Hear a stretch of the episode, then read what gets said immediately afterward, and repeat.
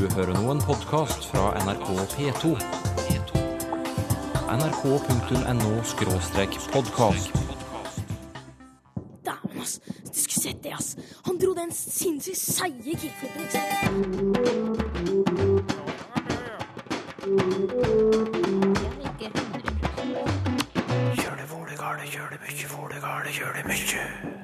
Forstår du alle ordene i nasjonalsangen?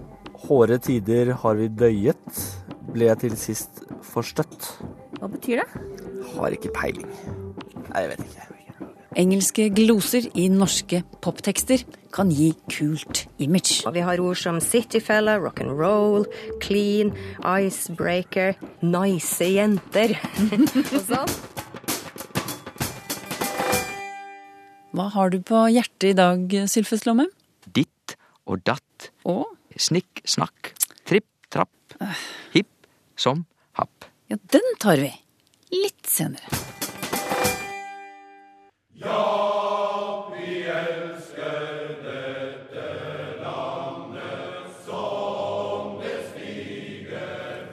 Snart på tide å synge denne sangen igjen, men forstår du alle ordene? Hårde tider har vi døyet, ble til sist forstøtt. Hva betyr det? Jeg tenker at det betyr at vi har kommet oss gjennom tunge tider. Eh, ble til sist forstøtt. Det er ikke så lett. Har du noen gang hørt ordet døyet? Nei. Forstøtt, da? Eh, kanskje, men det er ikke noe som er i mitt eh, vokabular. Hårde tider har vi døyet, ble jeg til sist forstøtt. Hva betyr det? Har ikke peiling. Nei, jeg vet ikke. Eh, å være ferdig med noe, kanskje. Forstøtt. Å ha, eh, ja, å ha gjort det, kanskje. Døyet tipper jeg er som eh, fordøyet, bare at det ikke handler om fordøyelse, men at man liksom har lagt det bak seg på en eller annen måte. Eh, Forstøtt Er det her fra grunnloven fra nasjonalsangen? Ja. Jeg har faktisk aldri kommet så langt, tror jeg. Eh, Hårde tider ble- ble til sist forstøtt. Nei, vi har liksom blitt ferdig med det. da. Fått det unna, og nå er vi videre. Glem det greiene der. Nå er vi klare for noe nytt. Nei, ikke alt er like innlysende i Bjørnstjerne Bjørnsons tekst. Døyet og forstøtt skal vi komme tilbake til om få minutter, men det er mer enn disse to ordene som kan være vanskelig å forstå for en del av oss. Arne Torp, pensjonert språkprofessor, hvordan vil du karakterisere språket i nasjonalsangen? Det er sånn som det aller meste som ble skrevet på midten av 1800-tallet, ganske grei dansk, egentlig. Eh, Men der er en novagisme, faktisk i den første linja. Dette landet. Det heter på dansk 'dette land'. Eh, Derimot så er det jo seinere noe som absolutt ikke er moderne norsk i det hele tatt. Når det eh, kvinner selv sto på strede som de var menn, og man kunne grede. Og både strede og grede er jo da eh, stridde og gråt. Ja. Og altså ikke moderne norsk. Vi har jo diskutert modernisering av Grunnloven i det siste. Hva med nasjonalsangen, altså skrevet i 1859, har den blitt modernisert noen gang? Altså, Bjørnson sjøl laga diverse versjoner. Den versjonen som vi har nå, den eh, svarer i, stemmer med den siste utgava som Bjørnson sjøl har hatt tak, med, tak i, fra 1901 eh, i samla verket. Én ting er språket, men på Facebook skriver Astrid Næss Kastmann at man også skal være svært flink i Norges historie for å følge med på teksten. Er du enig i det? Å ja, det er jeg enig i. Altså, Det kommer jo en masse navn, konge, sånn som Harald og Håkon og Sverre og helten Tordenskjold osv. Og, så og byer som en ikke har noe forhold til lenger. Navnet på Fredrikshall, som er Halden, og hva det som skjedde der? Så, så litt eh, historiekunnskap bør man ha for å få fullt utbytte av eh, Bjørnsons tekst. Så avgjort. Ja. Det er på tide med noen eksempler, da. Um, altså, Om vi ikke synger alle åtte versene av Ja, vi elsker, så synger vi iallfall det første. Og det er jo et av versene mange av oss kan utenat. Det virker egentlig ganske greit sånn språklig sett, men du Arne Torp sier at du har blitt spurt om åpningslinjene. Ja, faktisk. Eh, For det er noen som ikke riktig skjønner at eh, å å fure et værbitt er for noe. Eh, Det er jo det at landet blir rett og slett sammenligna med et gammelt ansikt med mange sånne rynker og værbitt å være ute i vær og vind. Og så dette over vannet. At landet er over vannet, det er jo altså opplagt. Eh, Men det er det at her ser Bjørnson liksom Når du kommer eh, med båt til landet, så stiger landet liksom opp av vannet, da, på en måte. Ja, med de tusen hjem. Og det Med de forstår vi. hjem, ja. Men så, eh, på Twitter, har vi fått et annet spørsmål om ordet saganatt i, i første vers. Og den saganatt som senker drømmer på vår jord. Hva tror du Bjørnson mente med det? Sagaen, at der refererer han vel rett og slett til sagaen, da. De gamle, gamle historiene om den norrøne tida. Han trekker jo opp et stort historisk uh, lerret etter hvert. Jeg, jeg, stilte dette spørsmålet til en kollega her på huset, og han sa nei, jeg vet ikke akkurat hva saganatt betyr, men det må ha vært en innmari bra natt. ja, han var veldig lang òg, da. Ja. Så eh, tar vi for oss vers nummer to, for der er det mange historiske referanser og et par språklige nøtter også. Kan du ikke dra oss gjennom eh, andre verset? Det kan jeg nok prøve. Altså, Først kommer Harald, da, som han bjerget med landet med sitt kjemperad. Og den Harald, det er Harald Hårfagre som liksom samla Norge da, på 900-tallet. Og så kjemperaden, det er bare stridsmannen i romantisk litteratur, så har dette her eh, kjempe en slags eh, heroisk konnotasjon, da. Eh, Kjempe og hero er jo omtrent det samme. Mm, og så heter det videre dette landet Håkon verget med ens Øyvind Kvad. Håkon er Håkon den gode. Han levde på 900-tallet, han òg. Sønn til Harald Hårfagre, forresten. Og Øyvind var eh, Håkons nærmeste hoffpoet. Eller skall, som det het den gangen. Og så kommer Olav. Og så kommer Olav. Ja. Og det er jo Olav den hellige. Olav på det land har malet korset med sitt blod. Han falt jo på Stiklestad i 1030, og det er jo derfor han malte eh, korset med sitt blod. Og så kommer Sverre. Ja, og der Den er litt kinkig, for Ja. Fra dets høye Sverre talet Roma midt imot. Ja. Eh, Det er nok veldig mange som ikke riktig forstår hva det dreier seg om. Og det er altså da Sverre eh, Sigurdsson, som var norsk konge på 1100-1200-tallet, slutten av 1100-tallet. Og han ville legge kirka, den katolske selvfølgelig, under kongens myndighet. La som lage en slags statskirke, da. Og erkebiskopen ble tvunget på flukt. Og så lyste han Sverre i bann, men Sverre tvinga biskopene til å krone og salve han. Og da lyste pave Innocensen 3., en mektig pave, interdikt over landet. Landet ble liksom altså da utstøtt av kirka. Men det spilte ikke noen rolle. Sverre bare drev på som vanlig, han. Ja. Men Eller du- Hanses preste. Dette fra dets høye. Dets høye, det er landets hauge, rett og slett. For ordet høy er dansk form av det som på norsk heter haug. Det er jo litt grann komisk kanskje at han sto på en haug. han kanskje passer bedre med fjell, Ja. fra dets fjelle, Sverre alt det. Men eh, det er faktisk det ordet Ja. det dreier seg om. Så det har ikke noe med Sverres, eh, høy, høy, Sverres høyde å gjøre. Nei, det har ikke noe med at han er lang mm. å gjøre. Så eh, til noe litt mystisk i slutten av tredje verset. Kvinner selv sto opp og strede som de vare menn. Andre kunne bare grede, men det kom igjen. Men det kom igjen. Hva siktes det til der? Det kan du si. Det er nok mange som har problemer med at kvinner sto på strede òg, da. Kanskje de stridde, de kjempa, Ja. eh, som om de var menn. Ja. Det kan kanskje sikte særlig til ei prestefrue som heter Anna Kolbjørnsdatter, som eh, lurte en svensk hær i 1716. Men i alle fall eh, så er det dette men, men de kom igjen. Som er veldig mystisk, og som mange har slitt med. Og det har jeg fått vite av min gode kollega Jon Gunnar Jørgensen at han har gitt et svar på i en eh, kronikk i eh, Klassekampen i 2011. For der har han da funnet ut at dette uttrykket, men det kom igjen, Ja. eller det kom igjen, Ja. det har han funnet i annet ordbok over det danske språk, der du har under oppslagsordet komme. Og komme igjen, det betyr rett og slett å lønne seg. Det svarer seg, betaler seg. Ja. Og så siterer han ifra ordboka. Det kommer igjen, sa mannen. Han ga sin so flesk. Han ga grisen flesk. Så det lønner seg å både kjempe og gråte. Da fikk vi oppklart det. Eh, Og så tar vi med ett eksempel til ekstra aktuelt i år, med både språk og historie og opplære. For i femte vers heter det blant annet Hårde tider har vi døyet, ble til sist forstøtt, men i verste nød blåøyet, frihet ble oss født. Både døyet og forstøtt kan være vanskelig, har jeg forstått, og, og blåøyet, frihet også. Forklar disse linjene for oss. Ja, der støtter jeg meg på den boka som er kommet ut for en del år siden om eh, Ja, vi elsker, som altså heter Historien om Ja, vi elsker. Ja. Og eh, der forklarer de den strofa som du nettopp eh, siterer, sånn at døye, det er jo klart, det er å tåle eller gjennomgå. Det er ingen tvil om.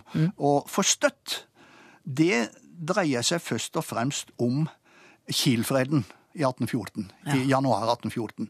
Da altså eh, Norge ble så å si gitt vekk til Sverige.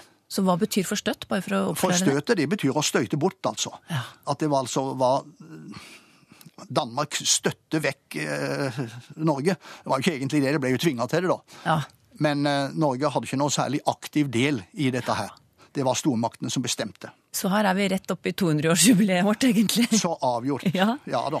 Men i verste nød blåøyet frihet ble oss født. Det Ja. blåøyet frihet? Ja, det er et rart uttrykk, egentlig. Der er det da dette her med å være blåøyd, det er liksom noe sånn barnlig og uskyldig, da. Og der mener de som har kommentert dette her i boka om eh, historien om Ja, vi elsker, at friheten er som et blåøyet barn som ble født for oss. Så det er altså friheten som er blåøyet. Det står det jo egentlig, da. Det er den som da oppsto i og med Grunnloven på Eidsvoll i eh, 17. mai 1814. Sa Arne Torp, pensjonert språkprofessor ved Universitetet i Oslo. Og boken han viste til, den heter altså Historien om Ja, vi elsker.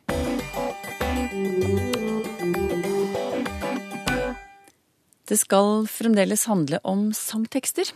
Her er noen norske slagere du kanskje har hørt før. I love Norwegian country and I like the way you sing. For en ting kunne han si, my little sweetheart. Og hun sa yes very well, og I love. Hjalmar, Hjalmar gikk på skolen i fjæra. Rocka som Elton John, trodde han. Smil, smil til et blitsregn, baby. I morgen vet alle hvem du er. På cover i et magasin. Oh, oh. Språkprofessor Anjo Greenhold, hva har disse tekstene til felles? Jo, det de har til felles, det er vel at de er tekster som er framført av norske artister, hovedsakelig på norsk, men med engelskspråklige innslag. Slike engelskspråklige innslag i tekstene, hva kan det være? Det kan være litt forskjellig. Det, noen ganger så er det bare enkeltord her og der. Andre ganger kan det, kan det være kortere eller lengre fraser. Det kan være hele setninger. Av og til så kan hele refrenget være på engelsk. Eh, og, og, i tillegg så har du på engelsk en rekke musikalske fyllord, som vi kan kalle dem. Som yeah, oh, baby og sånne, sånne ting. Som det også hender at norske artister bruker, selv om eh, teksten for øvrig kan være på norsk. Ja. I Språkteigen forrige gang fortalte du eh, at fenomenet med engelsk i norske poptekster, det oppsto på 60-tallet. Og i noen tiår framover hadde de engelske innslagene en klar funksjon. De var en del av fortellingen. De hadde en litterær funksjon, sånn som sangen om dekksgutten Ola fra Sandefjord. Den ville jo ikke blitt den samme hvis ikke han, vi hørte My Little Sweetheart uh, and He Said Yes Very Well, I Love You og alt dette her. Og da kan vi snakke, sier du, om en epoke i norsk popkultur der engelsk i norske tekster spiller en rolle, som en del av fortellingen. Hvor langt strekker den epoken seg? Så vidt jeg har klart å finne ut, så strekker den seg i alle fall fra rundt regna 1960-tallet til 80-tallet, selv om det også er et eksempel eller to å finne på tidlig 90-tall. Eh, Og det her sammenfeller jo med en, en periode hvor engelsk vokser seg gradvis sterkere og mer innflytelsesrik i Norge. Og de tekstene det er snakk om, de reflekterer jo det her her på et eller annet vis ved å uttrykke holdninger til bruken av engelsk. Enten kritiske holdninger eller positive holdninger. Ja.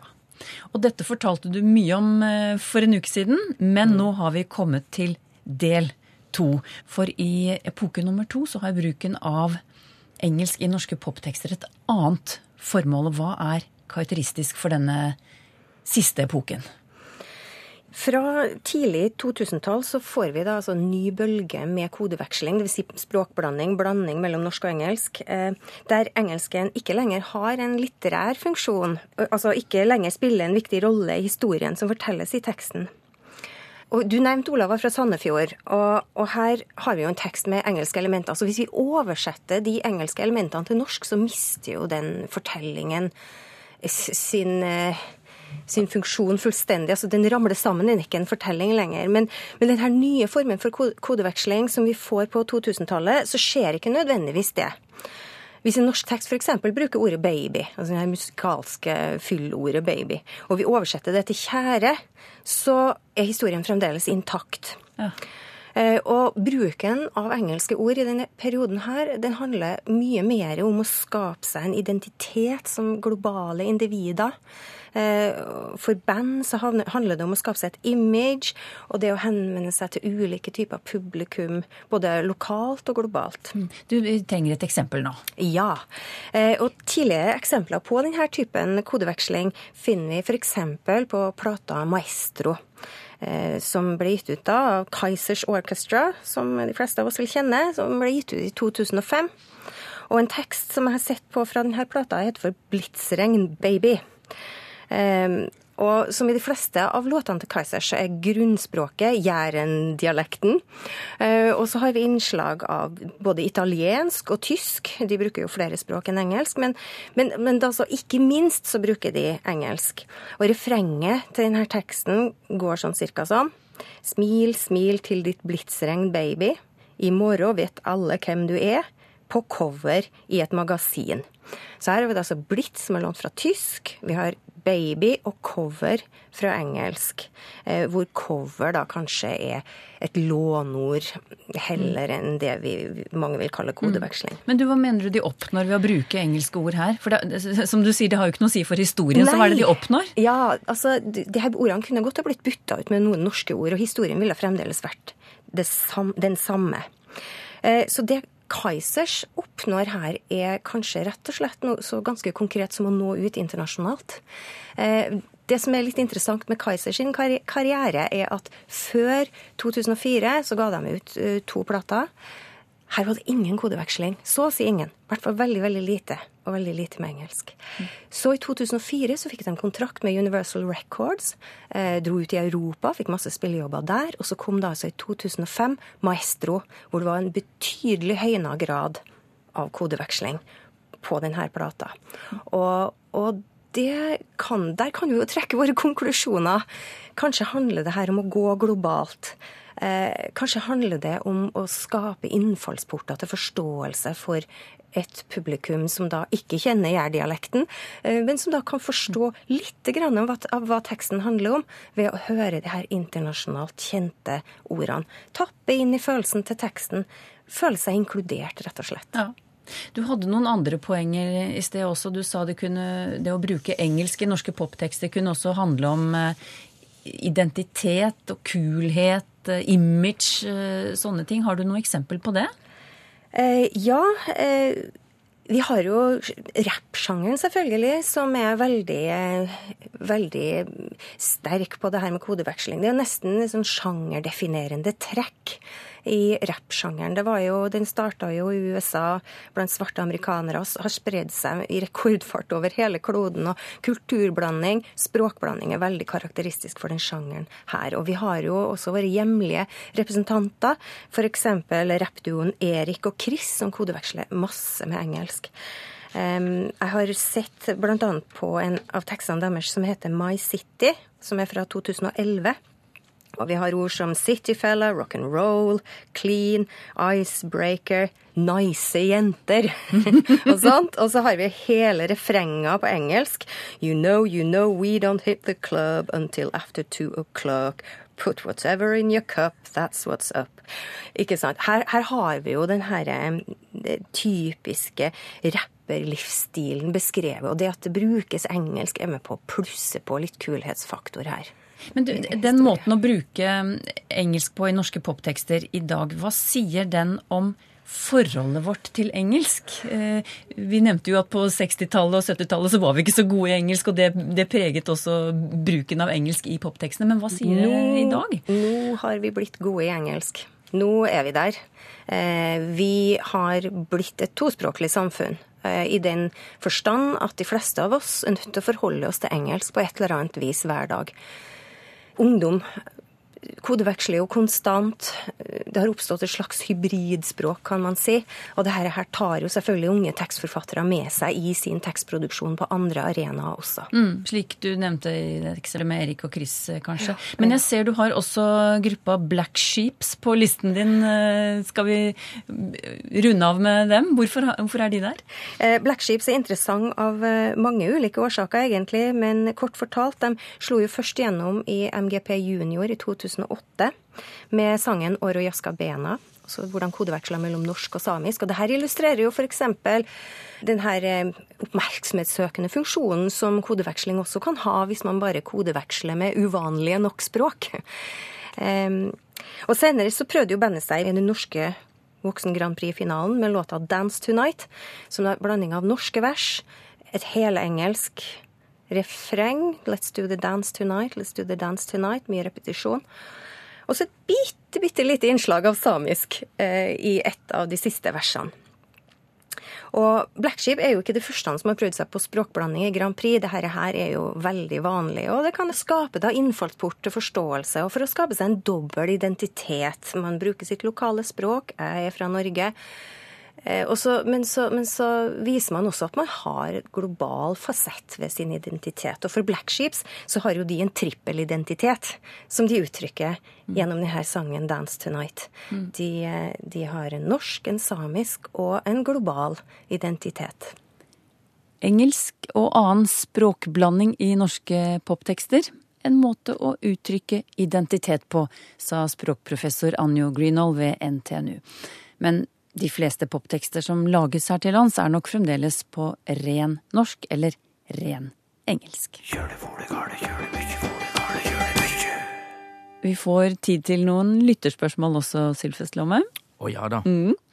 Og nå er det veldig lenge siden jeg har delt ut T-skjorter og krus, så alle som kommer med i denne spalten i dag, får en påskjønnelse i posten. Blant andre Leiv Hartli Andreassen, som spør hva menes med hipp som happ, og hva betyr det egentlig? Ja, det er jo, når du sa det slik enn, så er det jo umogelig å høre hvordan vi skal skrive det, for du sa hipp som happ, og da er det to måter å skrive det på. Hips om happ, altså preposisjon om, eller hipp som happ, altså relativpronomenet som. Og det er nok, dette er umulig å høre når vi uttaler det, men i skrift så skal det være som, altså hipp som happ. Og dette er eit av mange lydlege, repeterande uttrykk som vi har, der vi sier omtrent det samme to ganger. Vi sier ditt og datt, vi sier snikk, snakk, og vi sier tripp, trapp, ikke sant? Vokalvekslinga i og a er jo veldig vanlig. Ja. Og hipp som happ er omtrent det samme, fordi at hipp eh, det skriver seg egentlig for et tysk verb som betyr å hoppe hippen. Så det er å hoppe, hoppe og å hoppe. Det kan bli det samme. Ja, For det er jo det vi egentlig mener. Det, det, er, det, kan, det kan bli det samme, eller det spiller ingen rolle, eller Det kan komme på ett ut. Det Ikke sant? Det kan bli det samme.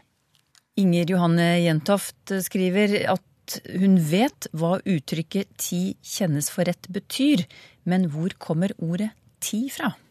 Ja, først uttrykket. Eh, Dette er fra gammelt rettsspråk, altså juridisk uttrykk. Ti kjennes for rett, kan det bli sagt i en rettssal. Og det betyr for vi ser på dette som rekt, altså riktig og faktisk. For det blir erkjent som rett. Det er det det betyr. Ti kjennes for rett. Så uttrykket ti.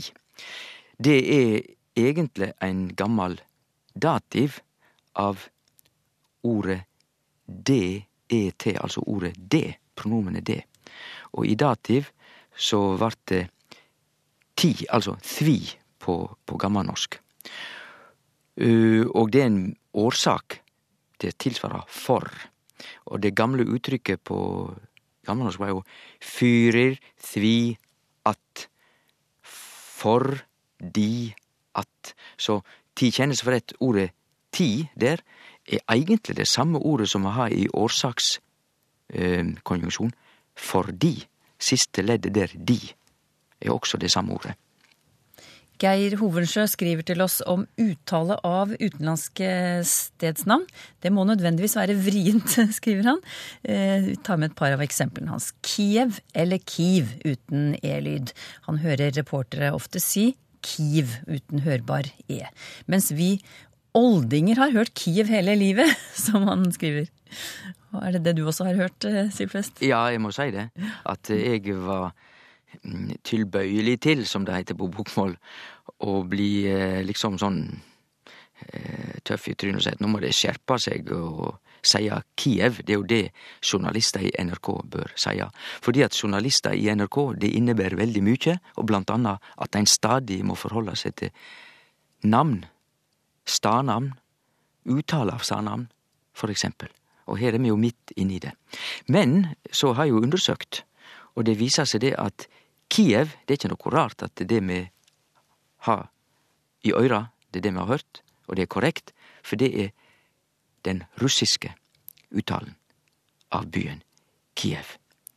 Men så har jeg fått greie på nå at den ukrainske uttalen er Kiev. Oi. Og da begynner det å svinge litt, og jeg skal ikke ta stilling til om NRK nå offisielt skal skifte, eh, for vi har jo et prinsipp i NRK om at vi, vi respekterer vedkommende lands uttale og bygger på den. Og når vi sier Kiev, så er det altså ei, en uttale fra den gamle sovjettida, der Ukraina var en del av Sovjetunionen, og da er det jo naturlig og logisk at uttalen skulle være Kiev, og den er etablert. Men ukrainsk altså Kiev. Det er svaret. Så bør jo også ta med at uh, ordet Ukraina er artig, og selvsagt veldig aktuelt, for det betyr utenfor landet. Mm -hmm. For førestavinga u betyr utenfor eller på andre sida av, og så kraina er et ord som tyder land eller område. Så egentlig betyr Ukraina randnasjon eller utenfor landet. Og det, når vi tenker på det, så ja får jo hele konflikten der òg Det ligger jo en, en språklig Ja. Eh, det er jo en politisk aktualitet i sjølve ordet Ukraina, meninga av ordet. Har du spørsmål til Språkteigen? Skriv til Teigen, krøllalfa nrk.no, eller til Språkteigen, NRK P2, 7005, Trondheim. Så finner du oss også på Twitter og på Facebook.